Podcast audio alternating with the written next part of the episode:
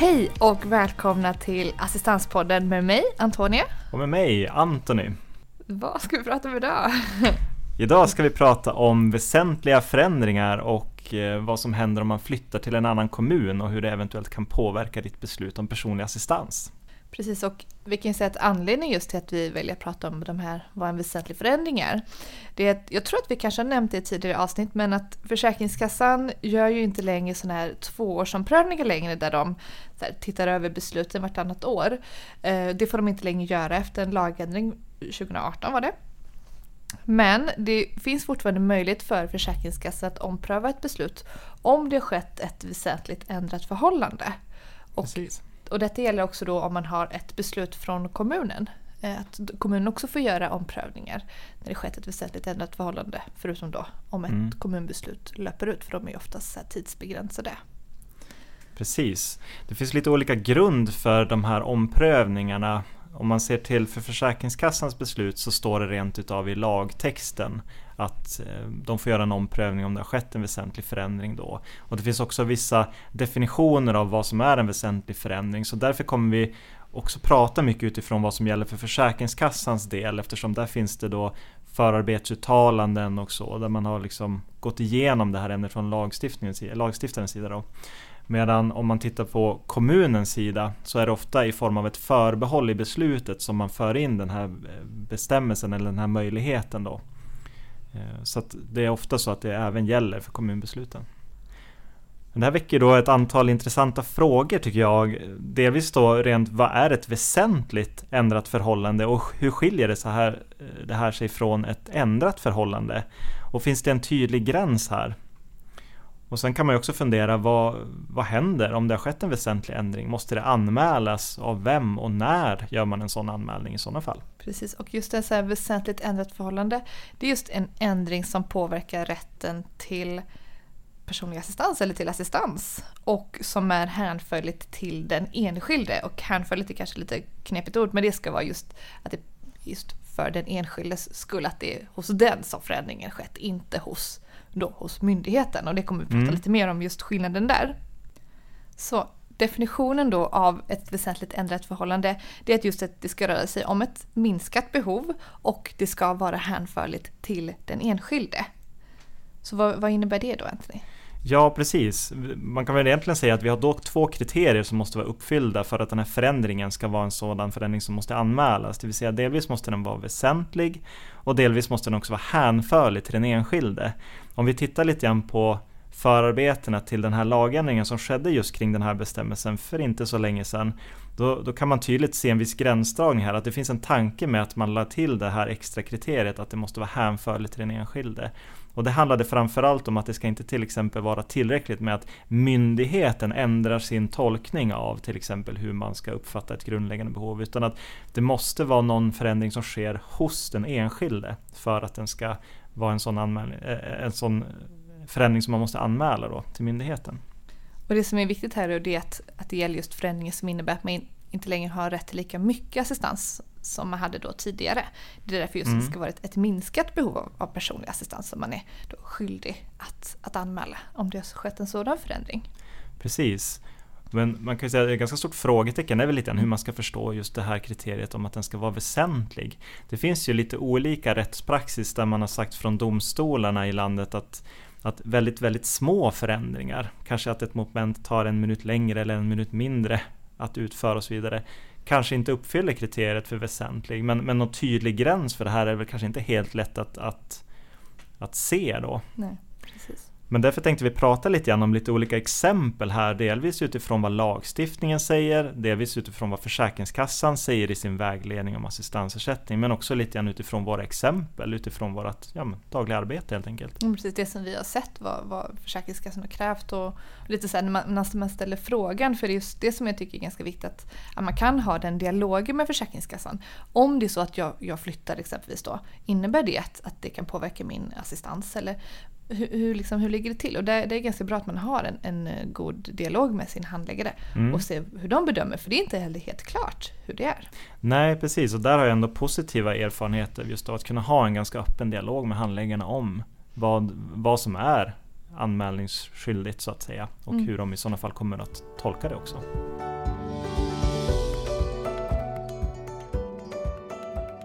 Men om vi börjar med att titta vad man säger uttryckligen i, i socialförsäkringsbalken och det här är ju mer allmänna förhållanden som kan påverka rätten till en ersättning. Och det gäller inte bara för assistans då, utan det, det kan påverka eh, lite andra frågor också i socialförsäkringsbalken. Då.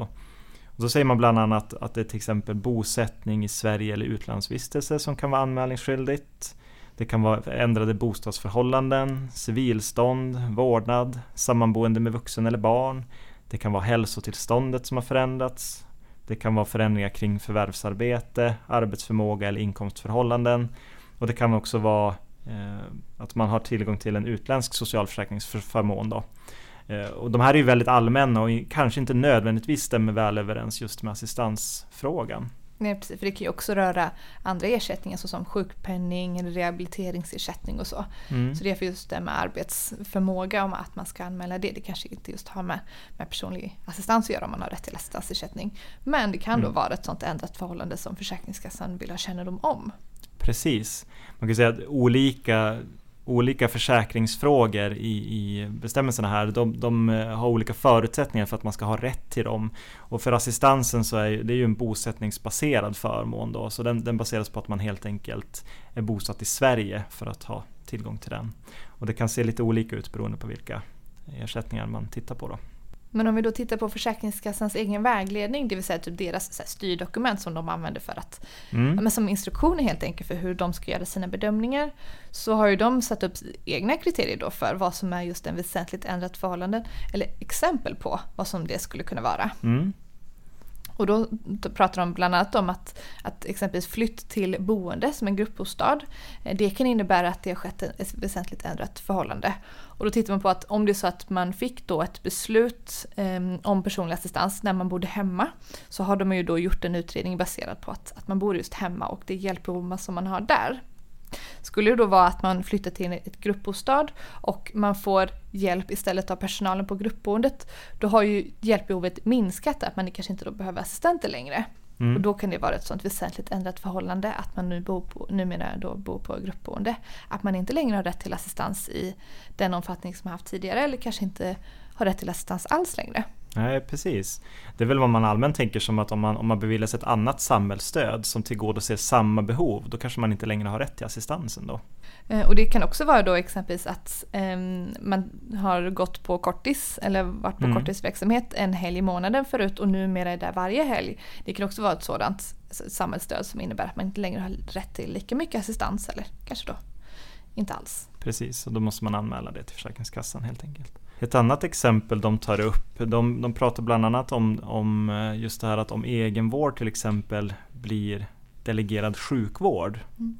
Att det sker en förändring från eh, hur eh, sjukvården bedömer åtgärden då. Då kan det också påverka hur mycket assistans man har rätt till och det är också en sån fråga som kan behöva anmälas helt enkelt till Försäkringskassan. Då. Men det som man också tänker på just det här med vad, vad en väsentlig förändring är, det är just att den ska vara varaktig. Mm. Att det inte är så att ja, men jag, jag testade gå på kortis, eh, eller testade vara på kortis en gång. Det är inte en sån väsentlig förändring som man måste anmäla utan då kanske det var som ett test. Men om det är så att man, man började på kortis och sen så är där varje vecka, mm. ja, men då är det en sådan förändring som är varaktig då i tanken att, att det ska anmälas till Försäkringskassan. Ja. Ja, men och, och, och, på tal om varaktigt då, om vi ska ta ett exempel där för att, för att belysa den skillnaden. Om vi tänker oss en person som åker utomlands. Det är typiskt sett inte en så, ett sån förändring som är anmälningsskyldig. Så vi tänker att man åker till exempel på en semesterresa några veckor. Men om vi ändrar lite grann på förhållandena här och säger att man flyttar rent av utomlands och man tänker bo utomlands en längre tid. Då kan det faktiskt vara en sån förändring som är både väsentlig och som måste anmälas och som kan också påverka då rätten till assistansen här eftersom det kan påverka huruvida man ens tillhör socialförsäkringen då. Och det är ju ganska mycket så specialregler som inte vi kanske är hundra insatt i. Det, har ju påverkat om man är kanske då student och bor utomlands eller om man mm. jobbar och får ett, ett uppdrag där på ett år eller kanske mm. ett och ett halvt år. Och sen är tanken att man ska då komma tillbaka. Eh, och sen så kan man ju se också att det finns ju olika, lite beroende på vart man är utomlands. Mm. Är det så att man är inom EU så har man ju rätt att vara utomlands eh, i EU alltså, i ett år och fortfarande anses ha försäkringstillhörighet här i Sverige om man kommer tillbaka inom ett år. Medan om det är utanför EU så är det sex månader eh, som är huvudregeln. Sen mm. så finns det massa olika sorters avtal med vissa länder att man får vistas där längre än sex månader. Men, men här tänker jag att det är viktigt att man tar just kontakt med Försäkringskassan för att stämma av lite hur, hur, eh, hur de kommer göra bedömningen. Mm. Så att man inte... Och det är nog, det är nog mm. klokt att göra det i förväg också. Så att man verkligen vet vad som gäller innan man, man åker iväg då. Precis. Men om vi ska prata om fler exempel på, på förändringar som kan vara väsentliga och som kan behöva anmälas då. Eh, en väldigt intressant fråga är just vad som händer om jag flyttar till en annan kommun till exempel. Vad gäller då Antonija? Ja precis och där är det ju lite olika, olika regler tänker jag just gällande om man har ett, ett försäkringskassebeslut eller om man har ett, ett beslut från, från den kommunen som man är bosatt i från början. Men jag tänker om vi börjar titta på just Försäkringskassan mm. så är ju huvudregeln då att man får ju flytta var som helst inom Sverige eh, när man har ett försäkringskassebeslut och det beslutet får då följa med till den nya kommunen där man bosätter sig. Ja. Men det kan ju vara så att en flytt även kommer påverka Försäkringskassebeslutet eh, för att det är som väsentlig förändring. Kanske då för att det finns andra bostadsanpassningar, kanske en helt annan miljö, att man har bott i hus med olika trappor innan och nu flyttat till en så helt anpassad lägenhet. Mm. Eh, så det kan ju vara så att det skett en väsentlig förändring även om man flyttar. Mm. Men huvudregeln då att man får ändå ta med sig sitt beslut. Precis, och det, några exempel där skulle kunna vara till exempel om man har haft Eh, ganska små ytor att jobba på. Man kanske behövt ha dubbelassistans i vissa moment. Men nu tack vare en flytt så finns det möjligheten att använda vissa hjälpmedel till exempel som innebär att man klarar sig med enkel assistans vid de momenten. Då. Det skulle kunna vara ett sådant exempel på, eh, på en väsentlig förändring då i samband med flytten. Men om vi istället ska prata om vad som kan hända om man har ett kommunbeslut och flyttar till en annan kommun, vad händer då? Jo men precis, alltså, då är det ju så att den kommun som du bor i, den har ju ansvar för sina invånare i sin kommun. Är det så att man ska flytta till en annan kommun, ja, men då har man ju inte längre rätt att behålla sitt dåvarande kommunbeslut. Utan det som man får göra innan man flyttar, det är att ansöka om ett förhandsbesked. Mm. Och ett förhandsbesked, eh, det ansöker man helt enkelt som en vanlig ansökan om personlig assistans. Att eh, då tar man kontakt med den nya kommunen och säger att jag kommer flytta till er kommun, jag kommer flytta in troligtvis det här datumet, första juni säger vi. Och jag är i behov av assistans, hur mycket assistans kan jag få när jag kommer till er? Och det som kommunen då gör, det är att de utreder helt enkelt. Så här, och från, och med, från och med det datumet som du flyttar in hos oss, då har du rätt till den här omfattningen personlig assistans. Gäller ett sådant beslut eh, hur länge som helst eller vad, vad, vad, finns det för begränsningar där? Jo men om det är så att, att vi ansöker om eh, assistans så att det ska gälla från och med 1 juni och eh, kommunen fattar beslut om att ja, men du har rätt, eh, när du flyttar till vår kommun så har du rätt till assistans om ja, säg 70 timmar i veckan. Ja. Ehm, och de fattar beslutet från första maj. Då har man sex månader på sig att flytta in i den här nya kommunen. För det kan ju vara så att förfly- alltså flytten skjuts upp. Ja. Men då har man sex månader på sig att börja verkställa det här beslutet helt enkelt. Mm.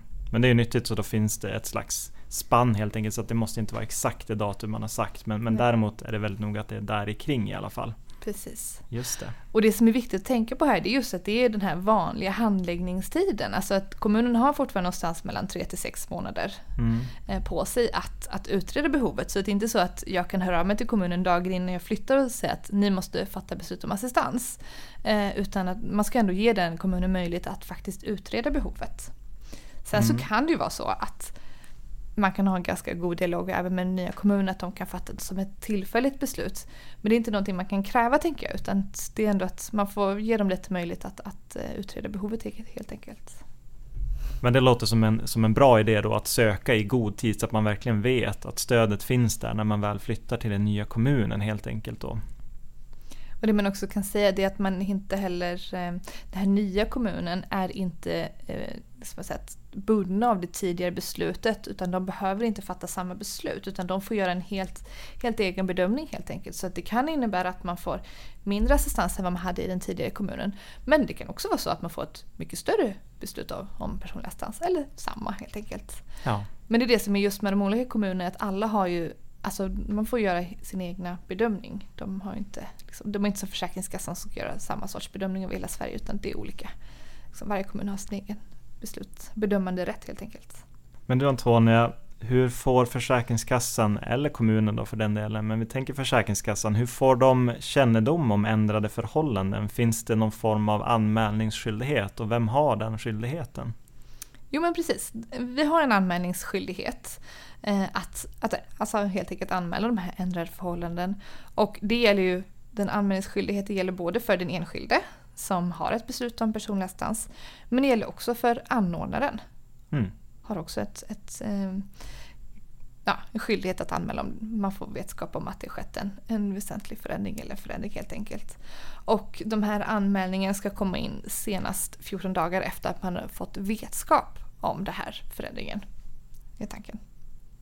Även kommunen kan anmäla att det skett ett förändrat förhållande. Det kan vara exempelvis att de beviljar ett stöd, eh, vill säga att den enskilde har ett beslut om personlig assistans från Försäkringskassan och kommunen beviljar ett stöd i form av korttis. Då brukar de anmäla det till Försäkringskassan, det vill säga att de skickar över beslutet och meddelar att från och med det här datumet så kommer den här personen att, att vara beviljad ja, korttidsverksamhet eller vad det kan vara. Just det, och då kan det bli aktuellt med en omprövning av beslutet helt enkelt. Då. Mm, precis. Men kan det komma in, eh, den här anmälningen, kan det komma in på något annat sätt än just information direkt från anordnaren eller den enskilde? Ja, jag vet att det har ju framgått av Försäkringskassans vägledning åtminstone tidigare att även eh, själva tidrapporteringen och räkningen kring assistansen som utförs, alltså egentligen hur assistansen har utförts i praktiken, kan signalera till Försäkringskassan att det har skett en väsentlig ändring här. Och det kan vara till exempel om det är så att man omvandlar väntetid till aktiv tid eller enkel assistans till dubbel assistans eller vice versa. För då antyder det någonstans att den assistans som är beviljats används inte på det avsedda sättet helt enkelt. Då. Och då kan det också vara en signal för Försäkringskassan att de bör fråga upp här om det har skett några förändringar. Så att det kan även ske på det viset, att man helt enkelt inte använder assistansen som den är beviljad.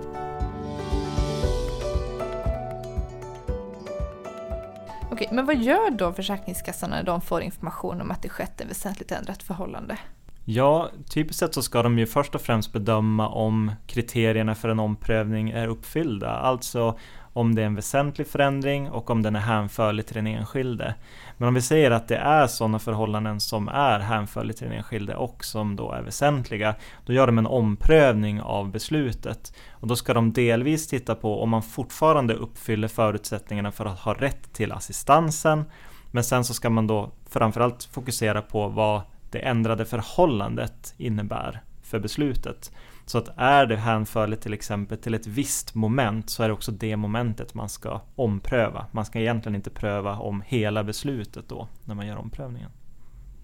Så exempelvis om det är så att man har rätt till assistans, säg 10 timmar per dag och man går, har fått ett nytt beslut om att, eh, från kommunen att man har rätt till att gå på kortis 10 timmar på söndagen. Vad innebär det då om det sker en, alltså vid en omprövning?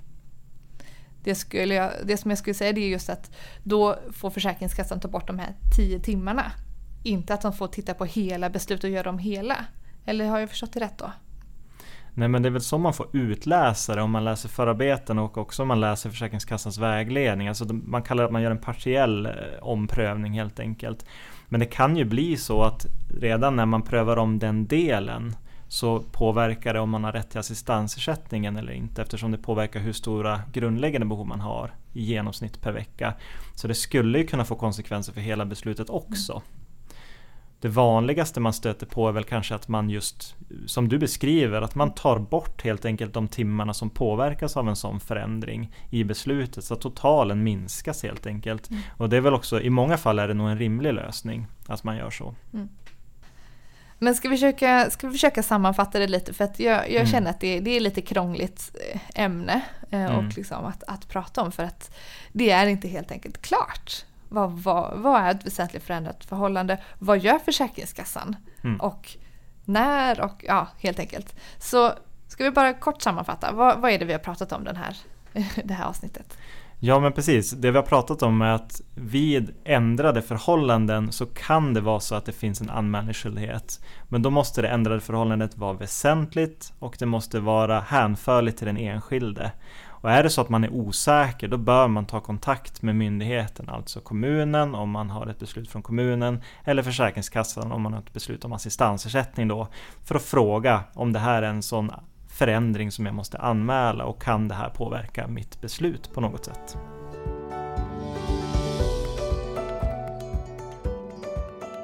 Men du Antonia, vi har fått en eh, lyssnarfråga och jag skulle säga att det här är en fråga som ändå kommer upp relativt ofta ändå eh, från föräldrar till barn som numera eh, blivit vuxna eller närmar sig att bli 18 år då.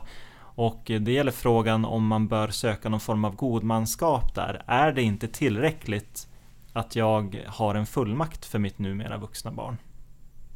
Ja, och det är en ganska intressant fråga faktiskt. Ganska, men det kan vara lite, lite olika. I många fall så kan det vara så att en, en fullmakt kan räcka. Det vill säga att, att barnet får skriva under på fullmakt att, att mina föräldrar får företräda mig i olika frågor. Men då måste man också tänka på, är den här fullmakten giltig? Det vill säga vet det numera vuxna barnet om vad man skriver under på? Kan det vara så att eh, ja, men helt enkelt man har den förmågan att kunna ge en fullmakt. Mm. Och i de fallen då ska jag säga att ja, en fullmakt är tillräcklig om man förstår vad man ger fullmakt för. Men om det är så att man inte har den förståelsen då kan det vara bra att ansöka om godmanskap. Eh, det vill säga då, då får en god man möjlighet att fatta beslut och ta hand om ekonomi och se till så att man har det bra helt enkelt. Men det tar inte på något sätt bort den enskildes rättshandlingsförmåga som har fortfarande själv möjlighet, alltså det vuxna barnet har fortfarande möjlighet att fatta egna beslut. Men eh, man har då en god man som stöttar mer än vad en fullmaktstagare har. Och jag kan också säga att i vissa fall så eh, så kan en fullmaktstagare inte skriva under på ansökningar. Jag vet att Försäkringskassan i vissa fall kan ifrågasätta det. Och då krävs det att det är just en god man eller den, den enskilde själv som får skriva under på ansökan. Just det. Men vad bra att du summerade det Antonija och också gav bra exempel på varför det här är en viktig fråga. Jag hoppas att du blev nöjd, du som har ställt frågan och ni andra som också går i samma tankar. Men eh, då tänker jag att vi börjar tacka för oss. Och, eh, men om det är så att du vill komma i kontakt med oss eh, så kan man mejla oss på assistanspodden humana.se. Man kan också skriva till oss på Facebook och sök då på Humana personlig assistans. Eller på Instagram kan följa oss där på humana.se och där får ni ställa alla möjliga sorters frågor gällande just kanske godmanskap, om det har skett en väsentlig förändring eller om man har just något annat, någon annan fråga som ni vill prata med oss om. Men tack för oss då! Tack ska ni ha! Hej hej! Hej!